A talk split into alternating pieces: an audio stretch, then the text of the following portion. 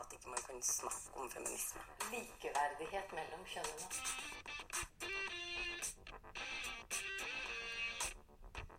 Det blikket på kvinnen på film og handlet om å bli tatt på alvor som jente.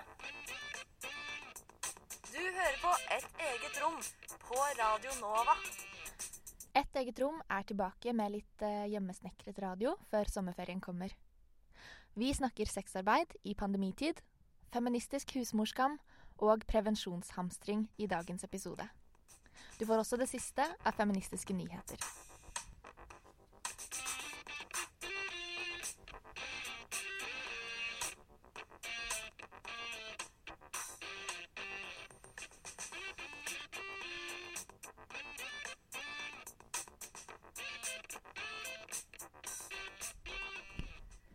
Hei, og velkommen til eh, Et eget rom, Radionovas feministiske program. Nå er det lenge siden, ass. Stemmen dere hører, det er eh, stemmen til eh, meg, Andrea Berg. Jeg er eh, redaksjonsleder i Et eget rom. Og vanligvis så ville det jo vært to av oss her. Kanskje tre. Og kanskje til og med en gjest, hvis vi hadde planlagt godt. Isteden så er det bare meg og opptakeren jeg bestilte på nettet for en måned siden, men som kom i posten forrige uke. Hvis du syns at programmet vårt klinger eh, litt annerledes enn vanlig i dag, så er det nok fordi det er tatt opp i eh, kollektivet mitt på Bislett, og ikke på eh, Chateau Neuf, som vi pleier, og redigert i GarageBand-programmet på Mac-en min, som jeg ikke helt skjønner hvordan fungerer ennå. Men jeg har installert meg, da, som mange andre journalister for tiden, under et klesstativ med tre dyner og noen tepper over, for å få minst mulig ubehagelig akustikk for deg som hører på. Dette er et gammelt triks som eh, ofte blir brukt av utenrikskorrespondenter, eh, som å sette opp hjemmelagde studioer ute i felt. Men nå er det plutselig blitt standard for radiojournalister over hele verden. Det føles egentlig litt fint, som å være en del av et slags sånn stort eh, internasjonalt journalistfellesskap av puteslott. Ja. Men det som eh, er aller finest, er å være tilbake igjen med deg som hører på, selv om det er fra et rotete kjøkken på Bislett. Oppå Chateau Neuf, på Majorstuen, hvor vi pleier å spille inn, så senker støvet seg over tastaturer og mikrofoner. Og det er rart å tenke på for oss som er vant til ikke bare å lage radio der, men også ha det som et sosialt møtepunkt. Til å ta en pils etter møtet eller dra på quiz sammen. De siste to månedene har medlemmene av et eget rom vært spredt utover hele landet, og kun sett hverandre over bufrende Zoom-møter på tirsdagskveldene, begrenset til 40 minutter av gratisabonnementet mitt. Det skal bli godt å sitte rundt et bord igjen, på møterom to, sånn som vi pleier. Noen av oss har skrevet litt på nettsiden vår, radionova.no, om homofobi i Russland, kvinnehelse og tilgjengelighet på universitetene for personer med funksjonsvariasjoner. Vi har dessuten begynt å publisere ukentlige lister med anbefalinger til feministisk påfyll, som du kan kose deg med. Og ikke minst har Linda Therese Rosenberg standhaftig holdt liv i Facebook-siden vår. Og den anbefaler jeg deg å følge med på. Andre i redaksjonen syns det er tungt å lage journalistikk nå. Utfordrende å samle tankene når strukturen har falt bort. Vi tillater oss derfor å ikke være helt tilbake til normalen ennå. Men håper at ting faller litt mer på plass, både for Radionova og for oss etter sommeren. Så vi igjen kan innta både møterom to og B-studio. I mellomtiden får dere et lite knippe feministisk snacks fra under et klesstativ på Bislett. Vanligvis går vi jo i dybden eh, på et tema da, hver episode, men siden alt er snudd på hodet for tiden, så tenkte vi å gjøre ting litt annerledes. Derfor vil du få høre om litt forskjellige ting i dag. Først hvordan har pandemien påvirket sexarbeidere?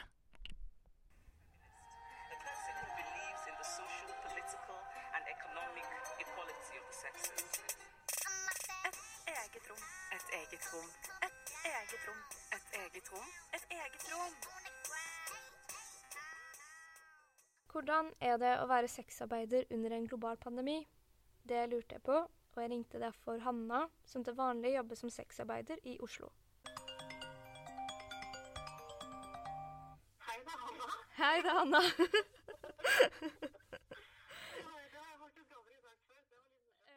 Til vanlig så bor Hanna i Oslo og livnærer seg av å selge sex, men akkurat nå så befinner hun seg på et ganske annerledes eh, sted. Jeg er oppe i fjellet på en sauegård og hjelper til her. Sauegård, det, det er spennende. ja, det er det. ja. De er jo veldig søte, disse dyrene, men de er også utrolig. Hanna og mange andre sexarbeidere har virkelig fått kjenne på hvordan det er å være sexarbeider når eh, samfunnet vårt går inn i en krisesituasjon. Så I Norge så kommer vel den første krisepakken til bedriftene 16. mars. Og i dag er det 23. mai. Så det har jo gått en god stund. Og fremdeles så finnes det ingen krisepakke til folk som selger sex. Så vi må i stor grad klare oss selv. Det er jo selvfølgelig utrolig vanskelig for de fleste av oss å måtte gå to måneder uten inntekt. Det var jo ingen som var forberedt på at hele Norge skulle stenge. Og det at sexarbeid ikke er anerkjent som arbeid, gjør at vi mangler mange rettigheter som andre har, som er knyttet opp til dette her med inntekt og skatt. Og da er det jo slik at vi ikke har rett på permittering eller sykepenger eller dagpenger. Og videre så er det jo sånn at eh, hvor mye du har hatt i inntekt de siste årene, det avgjør hvor mye du får i, i stønad. Og mange av oss som selger sex, vi kan ikke vise til noen inntekt de siste årene. Og da blir det jo selvfølgelig lave stønader for de som, som i det hele tatt kan få det, ikke sant. Eh, mange kan jo heller ikke nødvendigvis bare gå på Nav. Noen er redd for at de skal bli fratatt barna, og for folk som ikke er norske statsborgere, så har de jo ingen rettigheter uansett. Og da blir de heller deportert enn at de får hjelp. Så disse menneskene går det selvfølgelig hardest utover akkurat nå. Ja. Da har vi folk som eh, gjerne jobber på gata.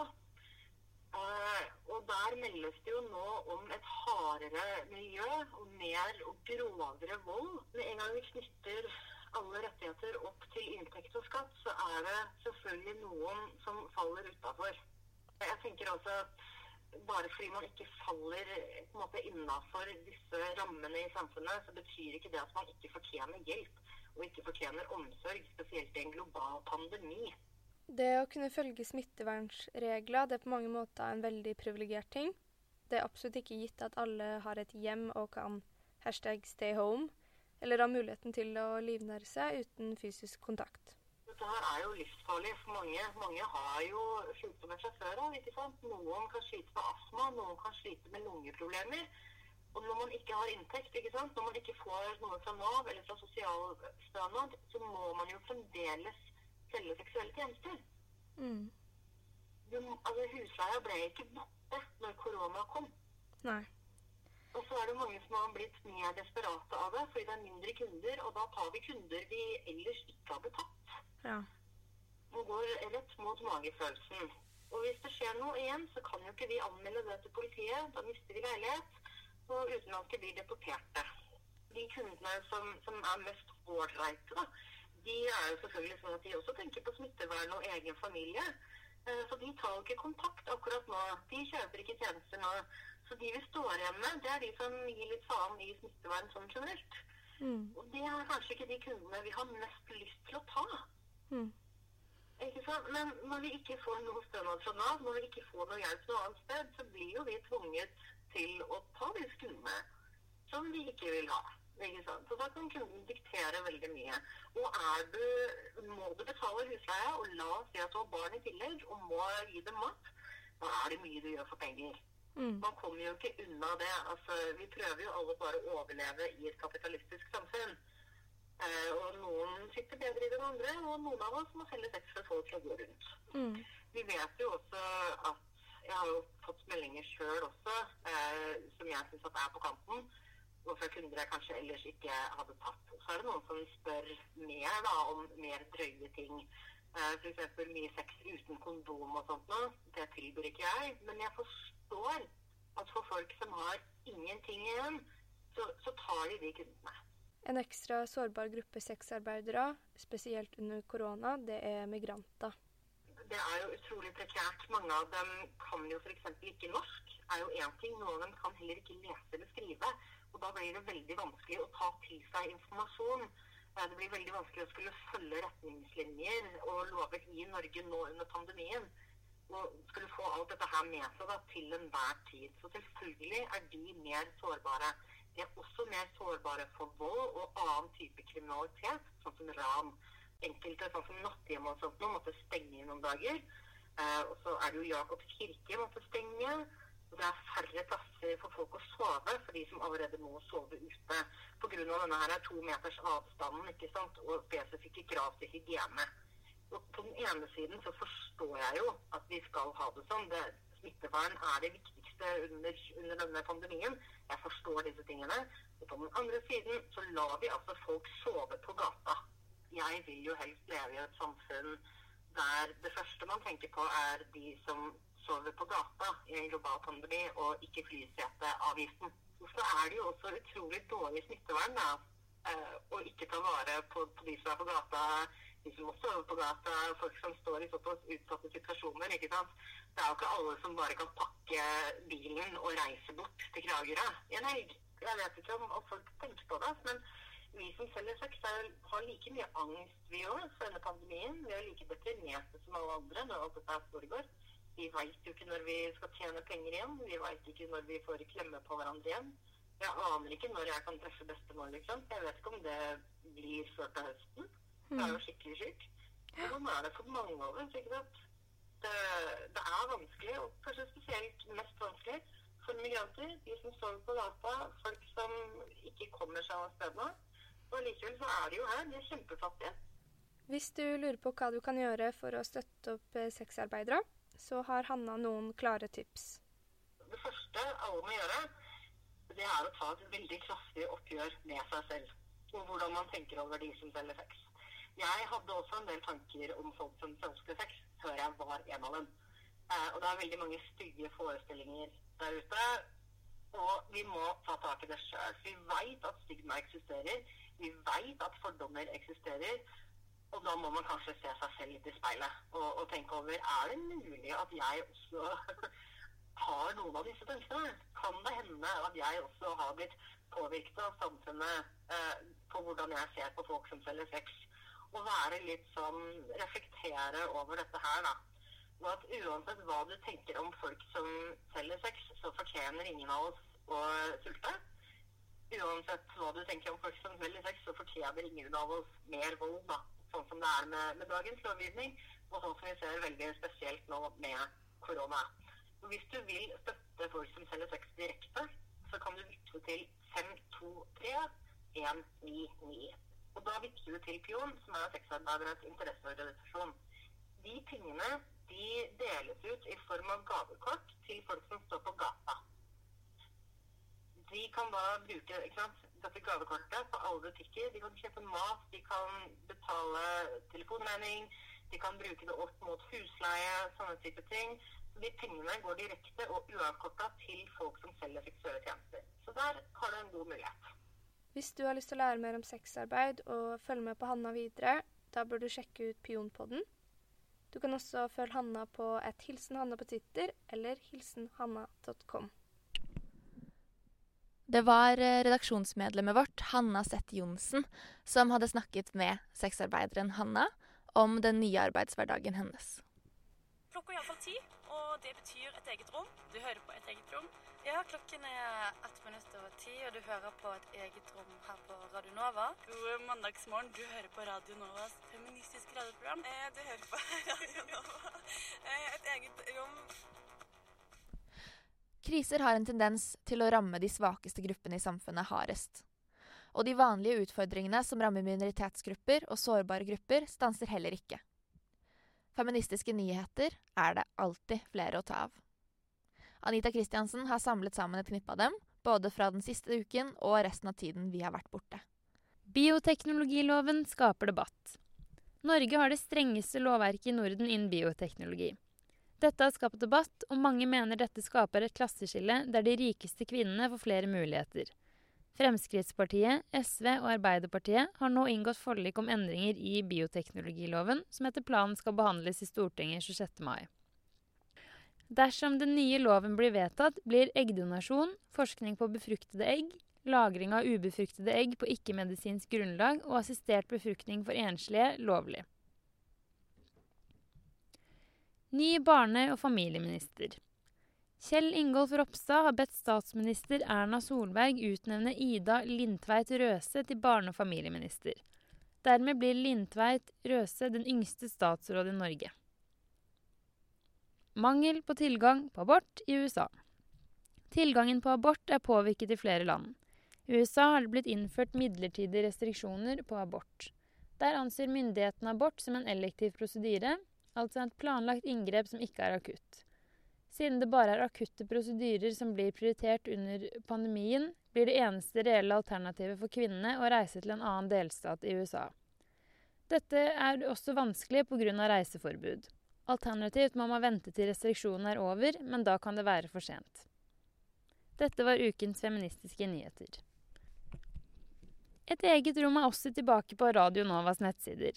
Der kan du lese om hvordan lite tilgjengelig informasjon og manglende kunnskaper om tilrettelegging hos forelesere er et stort problem for studentene med funksjonsnedsettelser og kroniske sykdommer. Denne saken er skrevet av Linda Therese Rosenberg. På nettsiden kan du også lese om hvordan helsefagstudenter knapt lærer om kjønn. En kartlegging av fem helseprofesjonsutdanninger har funnet verken kjønnsperspektiver eller kvinnehelse eh, systematisk integrert i disse utdannelsene. Denne saken er skrevet av Andrea Berg. Videre kan du lese om hvordan nesten én av fem russere mener LHBT-personer bør elimineres. En ny undersøkelse viser at russere i overveldende grad fremdeles er negative til skeive.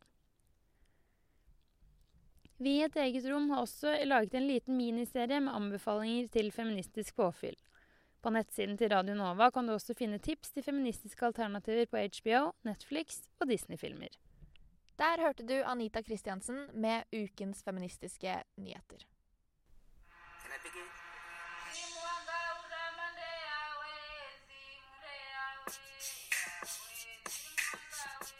Feminism should be an inclusive party.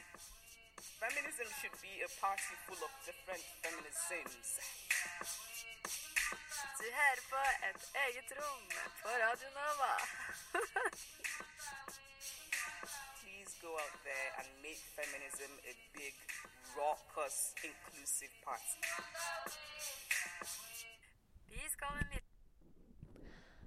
Selv har jeg vært privilegert under virusvåren. Jeg har fått lov til å jobbe litt og holde på med studiene mine, og jeg bor i et trygt hjem, i et kollektiv med folk jeg liker godt. De eneste krisene som har rammet oss, har vært eksistensielle kriser. Her er fortellingen om en av dem. For en drøy uke siden skjedde det utenkelige. Det som aldri må skje når man bor fire personer sammen, alle i begynnelsen av 20-årene, i et litt slitent kollektiv på Bislett. Vaskemaskinen vår gikk i stykker. Det vil si, vi er ikke helt sikre på hvor ødelagt den egentlig er. Det eneste vi vet, er at den lager denne nedlatende lyden hver gang vi prøver å sette den på.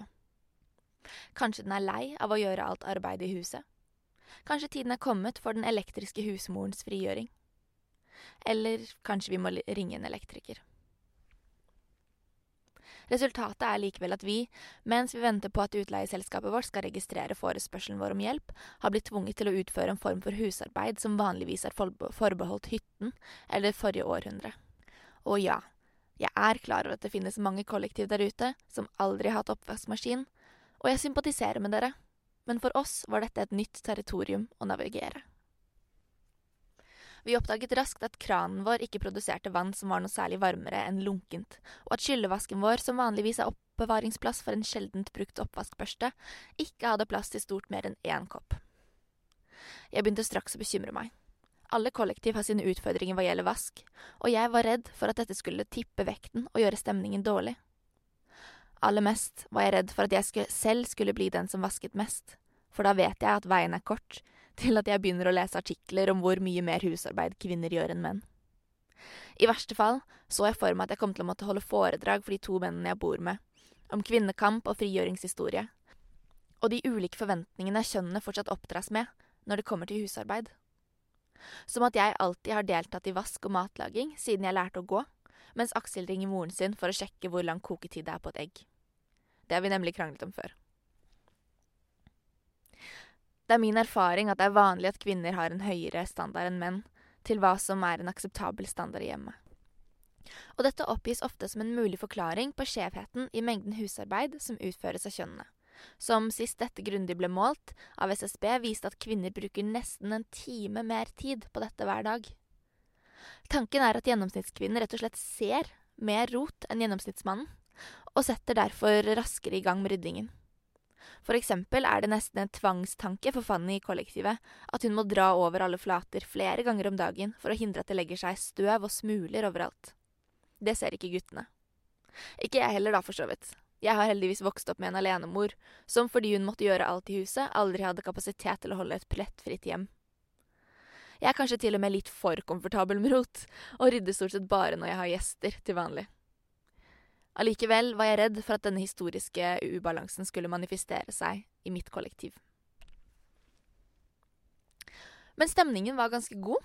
Vi klaget over alt arbeidet vi måtte gjøre. Vi sa ikke rart at dette pleide å være en fulltidsjobb til hverandre, og himlet med øynene. Mine høye skuldre falt betrygget på plass. Vi utsatte å forholde oss til den siste store oppvasken som vi aldri fikk satt på, og klarte oss med et halvt dusin tallerkener, som vi vasket flere ganger daglig. Men sakte begynte det å sige en sur lukt ut fra under kjøkkenbenken, og en morgen våknet jeg og visste at dette var dagen. Jeg brettet opp ermene, bokstavelig talt, og satte på et Sånn er du-intervju med Anne Lindmo. Fylte vasken med lunket vann og tømte en halv Zalo-flaske oppi. Jeg satte i gang, klar for å være sint feminist som gjør alt husarbeidet mot sine bedre instinkter og ønsker.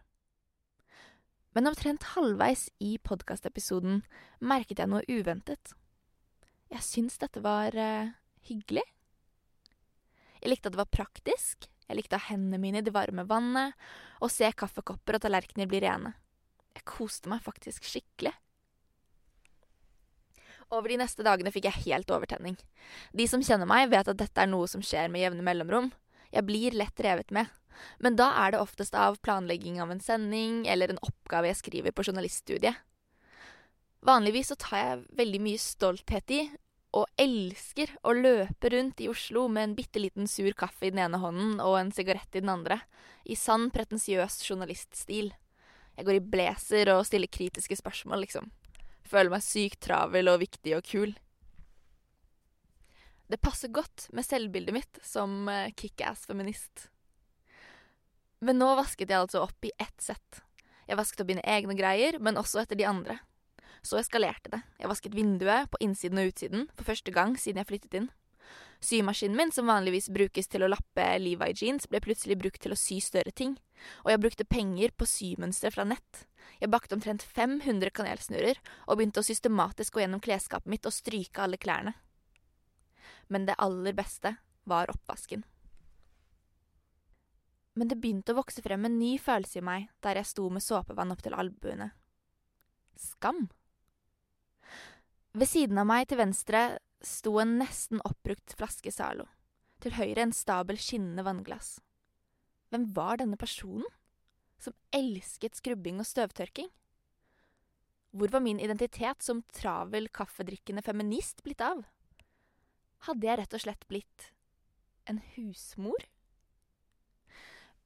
Mens jeg tenkte over hvor komfortabel jeg var blitt med livet under pandemien, de langsomme dagene, det minimale skole- og studentradioarbeidet og de hjemlige tidsfordrivene, kjente jeg skammen vokse i meg.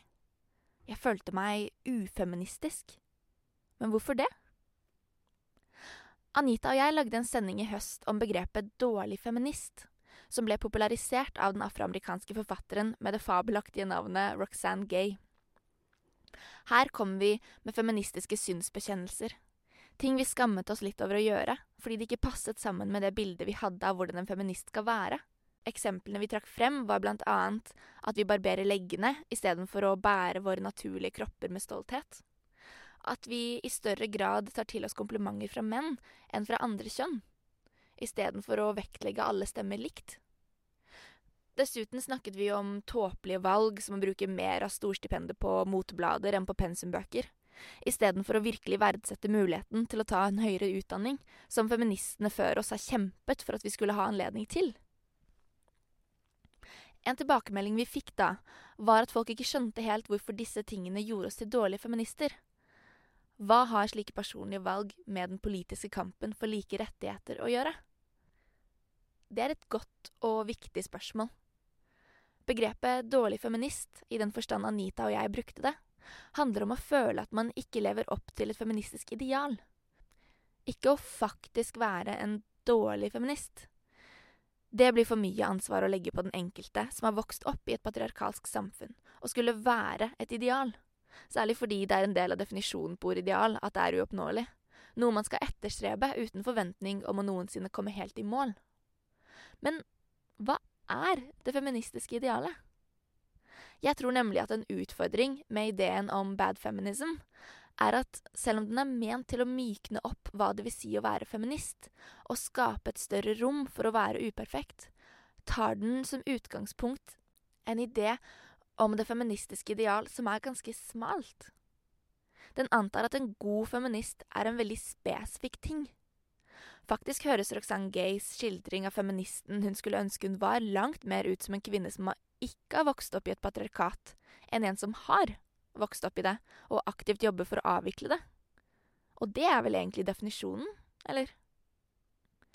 Likevel skaper teorien hennes gjenklang i meg, fordi jeg, som henne, helt intuitivt føler at den ideelle feminist hater husarbeid og elsker jobb. Fordi den ideelle feminist på det helt personlige plan ikke bare ønsker å bryte med fortidens rammer, men også er komfortabel med å gjøre det. På denne måten står hun i motsetning til alt kvinner alltid har gjort. Hun ønsker ikke barn, hun går, heller, eh, hun går heller i bukser enn i kjoler, hun bruker ikke sminke.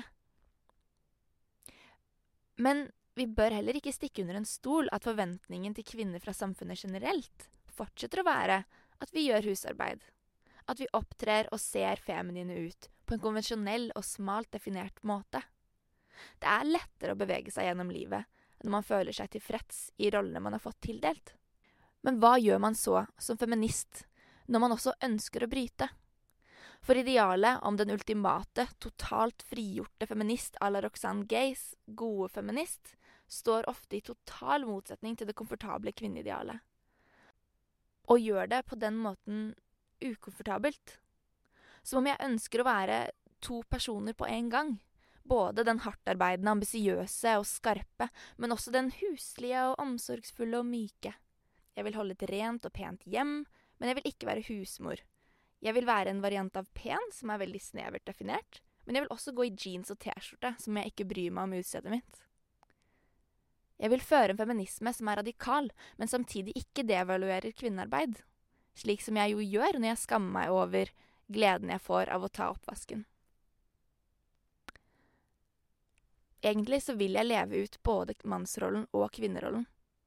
Men jeg lurer på om det er nok timer i døgnet, og ikke minst nok rom i meg, til å klare å være to ting. Jeg må finne en måte å forsone dem på, uten at jeg føler at jeg ofrer.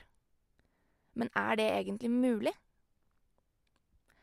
Jeg tror at begynnelsen er å omdefinere det feministiske ideal, og å anerkjenne at kvinnearbeid, det er også arbeid. Et absolutt eget rom. Et helt ekte eget rom. Et eget rom. Et helt seriøst og morsomt eget rom.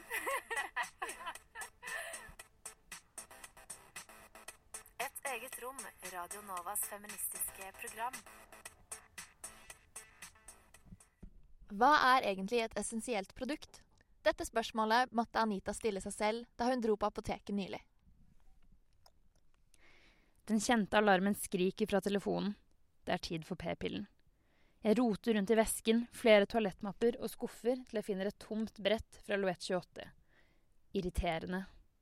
Oppgitt setter jeg kursen mot Vitus apotek. Hei, hei, jeg skulle gjerne hatt meg et brett med Loet 28, jeg.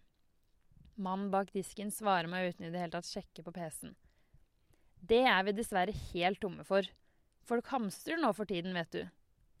Jeg føler meg ydmyket. Lurt. Hvordan kunne jeg være så naiv? Hvordan kunne jeg tro at andre tenkte at det måtte være nok p-piller til andre? Dette er ikke dopapir, dette er kroppen min. Hvordan kunne jeg tro at selvfølgelig kan jeg ikke være tomme for p-piller? Jeg må jo ha det. Det er en grunnvare. Desperasjonen tar over, og mannen bak disken er i ferd med å bli en målskive for ei som ikke er gira på kronisk mens og humørsvingninger. Hvordan kan folk hamstre nå? Hva skal jeg gjøre? Man burde jo bare få lov til å kjøpe én pakke hver. Man kan jo ikke bare la være å gå på p-piller. Kroppen din kommer til å gå helt bananas. Det må være nok til alle. Den stakkars mannen med null skyld i dette, som ble et offer for min rant, sier beklager, og at jeg eventuelt kan prøve et annet apotek i nærheten. Sint marsjerer jeg inn på Apotek 1 15 minutter senere og prøver igjen. Hei, jeg skulle gjerne hatt med meg en pakke med Loette 28. Kvinnen bak disken skriver inn Loette 28 på tastaturet. Jeg venter håpefull. Dessverre, det er faktisk helt tomt, ser jeg, på lageret også. Ja vel, svarer jeg. Og når får dere inn igjen? Hun blar nedover skjermen. Vi har faktisk ikke bestilt mer, det ser ut som det er tomt på hovedlageret også. Det er vanlig å kjøpe flere pakker enn én nå. Vanlig for gribber, ja, tenker jeg. Vi er sannelig i gribbenes tid. Kvinnen kan tilby meg Almina, en tilsvarende p-pille fra en annen produsent. Jeg har ikke lyst til å tulle med kroppen min med all slags forskjellige hormoner, og det kjennes tungt å bedra min faste Loet 28, som har vært min trofaste følgesvenn i så mange år. Med et tungt hjerte takker jeg ja til én pakke. Én pakke med Almina. Det må være nok til alle. Heldigvis for meg hadde Almina ryggen min. Jeg er i det minste privilegert nok til å ha alternativer. For covid-19-pandemien setter press på helsevesenet verden over.